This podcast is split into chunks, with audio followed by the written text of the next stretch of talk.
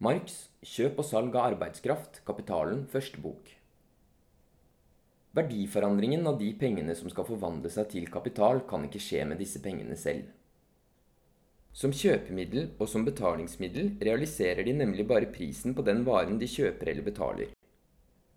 Om de forblir i sin egen form, stivner de til en fast og uforanderlig verdistørrelse. Like lite kan forandringen springe ut av sirkulasjonsakt nummer to, det videre salget av varen. Denne handlingen forvandler nemlig bare varen fra naturalformen tilbake til pengeformen. Forandringen må altså skje med den varen som blir kjøpt i første akt av sirkulasjonen, P-V, men ikke med dens verdi, ettersom det er ekvivalenter som blir byttet. Varen blir betalt til sin verdi. Forandringen kan altså bare springe ut av bruksverdien av varen som sådan, dvs. Si ved at varen blir forbrukt. For å kunne trekke verdi ut av forbruket av en vare, må pengeeieren vår være så heldig at han innenfor sirkulasjonssfæren, på markedet, oppdager en vare hvis bruksverdi hadde den eiendommelige egenskapen å være kilde til verdi. Det faktiske forbruket av denne varen ville altså selv være legemiljøring av arbeid og derfor verdiskaping. Og pengeeieren finner en slik spesifikk vare på markedet arbeidsevnen eller arbeidskraften. Med arbeidskraft eller arbeidsevne mener vi summen av de fysiske og åndelige evnene som vi finner i det menneskelige legeme, i menneskets levende personlighet, evner som det setter i bevegelse hver gang det produserer bruksverdier av et eller annet slag. For at pengeeieren skal finne arbeidskraften som en vare på markedet, må imidlertid forskjellige betingelser være oppfylt. Varebytte innebærer i og for seg ingen andre avhengighetsforhold enn de som springer ut av dets egen natur. Under denne forutsetningen kan arbeidskraften bare fremtre på markedet som vare, for så vidt og fordi den blir budt frem eller solgt som vare av dens egen eier av den personen hvis arbeidskraften er. For at eieren skal kunne selge den som vare, må han kunne disponere over den, altså være en fri eier av sin arbeidsevne, av sin egen person. Han og pengeeieren møter hverandre på markedet og trer i forhold til hverandre som likeverdige vareeiere. Den eneste forskjellen er at den ene er kjøper, den andre selger. Juridisk er altså begge like personer. Hvis dette forholdet skal fortsette, må eieren av arbeidskraften alltid bare selge den for et bestemt tidsrom. For dersom han selger rubb og stubb en gang for alle, så selger han seg selv og forvandler seg fra en fri til en slave, fra en vareeier til en vare. Han må som person alltid forholde seg til sin arbeidskraft som til sin eiendom, og dermed som til sin egen vare. Og det kan han bare gjøre for så vidt han bare stiller den til rådighet for kjøperen og hans bruk rent midlertidig for et bestemt tidsrom. Når han avhender arbeidskraften, må han altså ikke gi avkall på eiendomsretten til den. Den andre vesentlige betingelsen for at pengeeieren skal finne arbeidskraften på markedet som vare, er at eieren av arbeidskraften ikke kan selge den som en vare som arbeidet hans har legemliggjort seg i, men må fallby selve arbeidskraften som vare, en kraft som bare eksisterer i hans levende kropp. For at en skal kunne selge andre varer enn arbeidskraft, må en selvsagt eie produksjonsmidler, f.eks. råstoffer, arbeidsinstrumenter osv. En kan ikke lage støvler uten lær. Dessuten trenger en livsmidler, Ingen, ikke engang en fremtidsdrømmer, kan tære på fremtidens produkter, altså heller ikke på bruksverdier som ennå ikke er ferdig produsert. Og som på den første dagen mennesket opptrådte på verdensscenen, må det hver dag konsumere før og mens det produserer. Dersom produktene blir produsert som varer, må de bli solgt og kan først tilfredsstille behovene til produsentene etter at de er solgt. Den tiden som er nødvendig for å få solgt, kommer i tillegg til produksjonstiden. For å kunne forvandle penger til kapital må altså pengeeieren finne den frie arbeideren på varemarkedet. Han må være fri i den dobbelte betydningen av ordet. At han som fri person disponerer over sin arbeidskraft som sin vare, og at han på den andre siden ikke har noen andre varer å selge. At han er fri og ledig, at han er fri for alle ting som er nødvendig for å kunne virkeliggjøre sin arbeidskraft. Pengeeieren er ikke interessert i spørsmålet om hvorfor denne frie arbeideren møter ham i sirkulasjonssfæren. For pengeeieren er arbeidsmarkedet bare en spesiell avdeling av varemarkedet. Og foreløpig interesserer det heller ikke oss. Vi holder teoretisk fast ved denne kjensgjerningen slik pengeeieren gjør det i praksis. Ett er imidlertid klart. Naturen produserer ikke på den ene siden penge- eller vareeiere, og på den andre siden mennesker som bare eier sin egen arbeidskraft. Dette forholdet er ikke et naturhistorisk forhold, og like lite et samfunnsmessig forhold som skulle være felles for alle historiske perioder. Det er åpenbart resultatet av en tidligere historisk utvikling, produktet av mange økonomiske omveltninger, produktet av at en lang rekke eldre formasjoner for samfunnsmessig produksjon er gått under. Også de økonomiske kategoriene som vi allerede har diskutert, bærer sitt historiske stempel. I produktets eksistens som vare skjuler det seg bestemte historiske forutsetninger. For å bli til vare kan ikke produktet bli produsert som et umiddelbart eksistensmiddel for produsenten selv. Dersom vi hadde forsket videre og spurt under hvilke forhold antar alle eller flertallet av produktene vareform, ville vi ha funnet at dette bare kan skje på grunnlag av en helt spesifikk produksjonsmåte, nemlig den kapitalistiske. En slik undersøkelse ville imidlertid ha lite med analysen av varen å gjøre. Vareproduksjon og varesirkulasjon kan finne sted selv om den overveiende delen av produksjonsmassen umiddelbart er rettet mot eget behov og ikke forvandler seg til varer. Vareproduksjon kan altså finne sted selv om den samfunnsmessige produksjonsprosessen ikke på langt nær er behersket av bytteverdien i hele sin bredde og dybde. For at produktet skal fremstå som vare, må arbeidsdelingen innenfor samfunnet være så langt utviklet at skillet mellom bruksverdi og bytteverdi, som først begynner i den umiddelbare byttehandelen, allerede er fullført. En slik grad av utvikling er imidlertid felles for historisk vidt forskjellige økonomiske samfunnsformasjoner. Eller om vi ser på pengene, forutsetter de at varebyttet har nådd et visst nivå. De spesielle pengeformene, som den rene vareekvivalenten eller sirkulasjonsmiddelet eller betalingsmiddelet, skatt og verdenspenger, samt det forskjellige omfanget og den relative overvekten av den ene eller andre formen, tyder på meget forskjellige trinn i den samfunnsmessige produksjonsprosessen. Likevel viser erfaringen at det er nok med en relativt svakt utviklet varesirkulasjon for at alle disse formene skal kunne bli dannet. Annerledes med kapitalen. De historiske eksistensbetingelsene for kapitalen er slett ikke til stede i og med vare- og pengesirkulasjonen. De oppstår bare der hvor eieren av produksjons- og livsmidlene finner den frie arbeideren som selger arbeidskraft på markedet. Denne ene historiske betingelsen omfatter en verdenshistorie. Kapitalen innevarsler derfor helt fra begynnelsen av en ny epoke i den samfunnsmessige produksjonsprosessen. Denne eiendommelige varen, arbeidskraften, skal vi nå se nærmere på. Som alle andre varer har den en verdi. Hvordan blir den bestemt? I likhet med alle andre varer blir verdien av arbeidskraften bestemt av den arbeidstiden som er nødvendig for å produsere, altså også reprodusere, denne spesifikke artikkelen. Som verdi representerer arbeidskraften selv bare en bestemt mengde samfunnsmessig gjennomsnittsarbeid som er legemliggjort i den. Arbeidskraften eksisterer bare som anlegg hos det levende individet. For å produsere arbeidskraften er det altså forutsatt at dette individet eksisterer. Hvis vi tar som gitt at individet eksisterer, består produksjonen av arbeidskraften i at individer blir reprodusert eller opprettholder livet. For å kunne opprettholde livet trenger det levende individet en viss sum livsmidler. Den arbeidstiden som er nødvendig for å produsere arbeidskraften, løser seg altså opp i den arbeidstiden som er nødvendig for å produsere disse livsmidlene. Eller verdien av arbeidskraften er verdien av de livsmidlene som er nødvendige for å holde liv i eieren. Arbeidskraften virkeliggjør seg imidlertid bare ved at den blir brukt, den aktiviserer seg bare gjennom arbeidet. Gjennom denne virksomheten, gjennom arbeidet, blir imidlertid en bestemt mengde menneskelige muskler, nerver, hjerne osv. forbrukt, og disse må igjen bli erstattet. Dette økte utlegget krever økte inntekter. Når eieren av arbeidskraften har arbeidet i dag, må han kunne gjenta den samme prosessen under de samme betingelsene med samme kraft og sunnhet i morgen. Summen av livsmidler må altså være tilstrekkelig til å opprettholde det arbeidende individet som arbeidende individ i dets normale livstilstand. Selve de naturlige behovene, som næring, klær, oppvarming, bolig osv., er forskjellige alt etter de klimatiske og andre særegenhetene ved et land. På den andre siden er omfanget av de såkalte nødvendige behovene samt måten de blir tilfredsstilt på, selv et historisk produkt. De avhenger derfor i stor grad av et lands kulturnivå, bl.a. også i vesentlig grad av de forholdene som den frie klasse av arbeidere har oppstått under, og derfor også av de vanene og kravene til livet som den har. I motsetning til de andre varene inneholder altså verdibestemmelsen av arbeidskraften et historisk og moralsk element.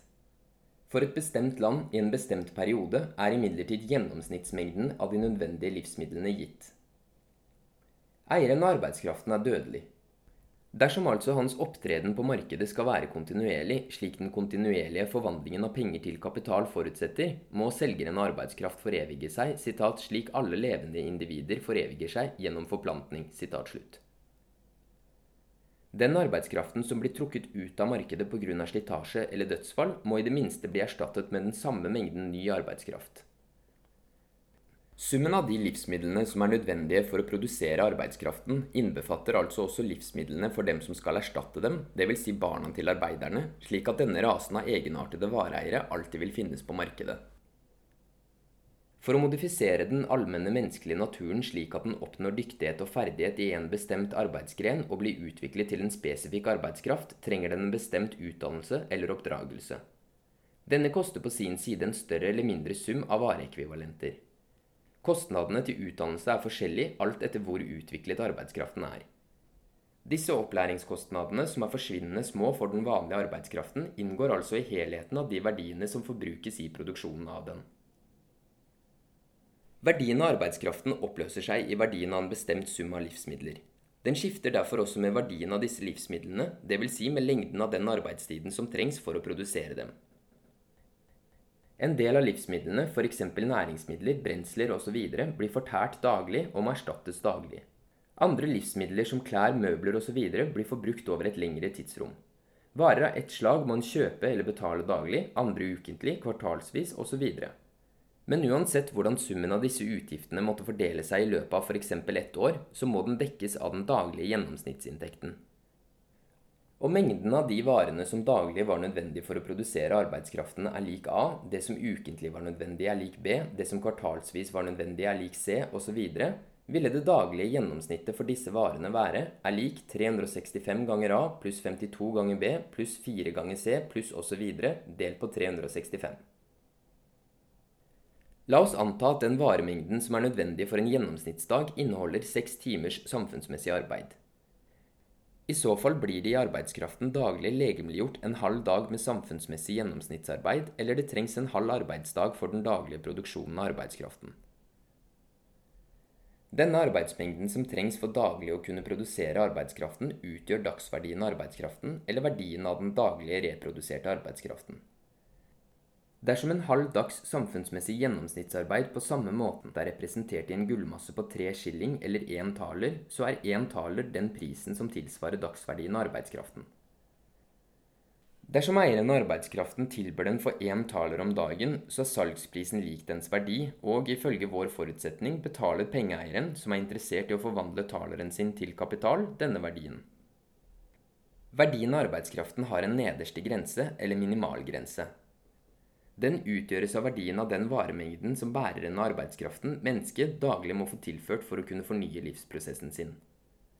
Den utgjøres altså av verdien av de fysisk uunnværlige livsmidlene. Dersom prisen på arbeidskraften synker til dette minimum, så synker den under verdien, for da kan den bare opprettholde og utvikle seg i en forkrøplet form. Verdien av en vare er imidlertid bestemt av den arbeidstiden som trengs for å kunne levere den til normal kvalitet. Det er uttrykk for en utrolig billig sentimentalitet når noen anser denne verdibestemmelsen av arbeidskraften, en bestemmelse som følger av sakens natur, for å være kynisk og f.eks. jamre seg slik Rossi gjør. Sitat. Å snakke om arbeidsevnen, puissance de travail, mens den abstraherer fra arbeidets eksistensmidler under produksjonsprosessen, vil si å snakke om et hjernespinn, etre de raison. Den som sier arbeid, arbeidsevne, sier samtidig arbeider, eksistensmiddel, arbeider og arbeidslønn. Sitat slutt. Den som sier arbeidsevne, sier ikke samtidig arbeid, like lite som noen sier fordøyelsesevne når de sier fordøyelse. Til sistnevnte prosess trengs det som kjent mer enn en god mage. Den som sier arbeidsevne, abstraherer ikke fra de livsmidlene som er nødvendige for dens underhold. Verdien av arbeidsevnen er tvert om uttrykt i verdien av livsmidlene. Dersom ikke arbeidskraften blir solgt, har arbeideren ingen nytte av den. Da vil han snarere føle det som en grusom naturnødvendighet at hans arbeidsevne trenger en bestemt mengde livsfornødenheter for å bli produsert, og stadig trenger dem på nytt for å bli reprodusert. Han oppdager da det Sismondi sier, sitat 'arbeidsevnen er intet hvis den ikke blir solgt'. sitat slutt. En følge av den eiendommelige naturen til denne spesifikke varen, arbeidskraften, er at bruksverdien av den ennå ikke virkelig er gått over på kjøperens hender idet kontrakten mellom kjøper og selger er avsluttet. Verdien av den, som verdien av alle andre varer, var bestemt før den kom inn i sirkulasjonen, i og med at en bestemt mengde samfunnsmessig arbeid ble forbrukt for å produsere den. Bruksverdien av den derimot utgjøres av den arbeidsytelsen som først kommer etterpå. Salget av arbeidskraften og den virkelige bruken av den, dvs. Si dens tilværelse som bruksverdi, faller derfor ikke sammen i tid. Men med slike varer, der den formelle avhendelsen av bruksverdien gjennom salget og den virkelige overdragelsen til kjøperen ikke skjer samtidig, fungerer kjøperens penger mest som betalingsmiddel. I alle land med kapitalistisk produksjonsmåte blir arbeidskraften først betalt etter at den allerede har fungert den terminen som er fastsatt i kjøpskontrakten, f.eks. ved slutten av hver uke. Overalt forskutterer derfor arbeideren til kapitalisten bruksverdien av arbeidskraften. Han lar kjøperen forbruke den før han får betalt for den. Arbeideren gir derfor overalt kreditt til kapitalisten. At denne kredittgivningen ikke er noen tom forestilling, viser seg ikke bare når den krediterte lønna av og til går tapt hvis kapitalisten går konkurs. Det viser seg også en rekke mer varige virkninger. Imidlertid endrer det ikke noe på naturen til selve varebyttet om pengene fungerer som kjøpmiddel eller betalingsmiddel. Prisen på arbeidskraften er fastsatt ved kontrakt, selv om den først blir realisert etterpå, akkurat som leien for et hus. Arbeidskraften er solgt, selv om den først blir betalt etterpå. For å få en klar forståelse av dette forholdet er det imidlertid nyttig foreløpig å forutsette at eieren av arbeidskraften hver gang mottar den kontraktsmessige fastsatte prisen samtidig med salget. Vi vet nå hvordan verdien som eieren av denne eiendommelige varen arbeidskraften får betalt av pengeeieren, blir bestemt. Bruksverdien som pengeeieren på sin side mottar i bytte, viser seg først i det virkelige forbruket, i den prosessen hvor arbeidskraften blir konsumert. Alle tingene som er nødvendige for denne prosessen, som råmateriale osv., kjøper pengeeieren på varemarkedet og betaler dem til full pris. Den prosessen som forbruker arbeidskraften, er samtidig produksjonsprosessen av varer og merverdi. Konsumet av arbeidskraften, liksom konsumet av alle andre varer, blir fullbyrdet utenfor markedet, utenfor sirkulasjonssfæren. Sammen med pengeeieren og arbeidskrafteieren forlater vi derfor dette larmende området, der alt skjer på overflaten og til alle skue, og følger dem begge til produksjonens skjulte sted, der det står å lese ved inngangen 'No admittance except on business', ingen adgang unntatt i forretningsanliggender. Her vil det vise seg ikke bare hvordan kapitalen produserer, men også hvordan kapitalen selv blir produsert. Hemmeligheten ved profittmakeriet skal nå endelig komme for en dag. Sfæren for sirkulasjonen eller varebyttet som kjøp og salg av arbeidskraften foregår innenfor grensene av, var faktisk et sant eden for de medfødte menneskerettighetene. Det eneste som rår her, er frihet, likhet, eiendom og Bentham. Frihet fordi både kjøper og selger av en vare, f.eks. arbeidskraften, bare er bestemt gjennom deres egne frie viljer. De slutter kontrakter som frie, rettslig jevnbyrdige personer. Kontrakten er det sluttresultatet der viljene deres får et felles rettsuttrykk. Likhet fordi de forholder seg til hverandre bare som vareeiere og bytter ekvivalent mot ekvivalent. Eiendom fordi hver disponerer bare over sitt eget. Bentham fordi begge to bare bryr seg om seg selv. Den eneste makten som bringer dem sammen og inn i et forhold, er deres egennytte, deres særfordel, deres privatinteresser. Og nettopp fordi hver enkelt bare bryr seg om seg selv og ikke om den andre, så fyllbyrder de alle som følge av tingenes preetablerte harmoni, eller under auspisiensene til et allvitende forsyn, bare et verk som er til gjensidig fordel, felles nytte og i alles interesse. Idet vi forlater denne sfæren med enkel sirkulasjon eller varebytte som gir frihandler vulgaris anskuelser, begreper og målestokken for hans dom over dette samfunnet basert på kapital og lønnsarbeid, så synes det som om vi allerede kan ane en forvandling av fysionomien til våre personae dramatis. Den tidligere pengeeieren skrider foran som kapitalist, arbeidskrafteieren følger etter ham som arbeider. Den første ler betydningsfullt i skjegget, ivrig på å gjøre forretninger. Den andre derimot virker sky og motstrebende, som en som har båret sin egen hud til markedet og nå ikke har noe annet i vente enn garveriet.